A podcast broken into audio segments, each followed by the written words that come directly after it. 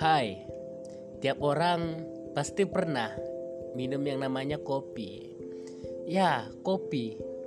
Kopi ini bisa dibaratkan ke hidup, punya rasa pahit. Tapi ya, di balik rasa pahit itu tercipta sebuah inspirasi yang bisa mengajarkan kita yang namanya hidup. Nah, di podcast ini saya akan berbicara menyampaikan kisah-kisah pengalaman-pengalaman baik siapa pun itu baik masalah percintaan persekolahan e, bisnis ya macam lah yang pastinya selalu stay ya dan ikuti terus podcastnya saya oke okay?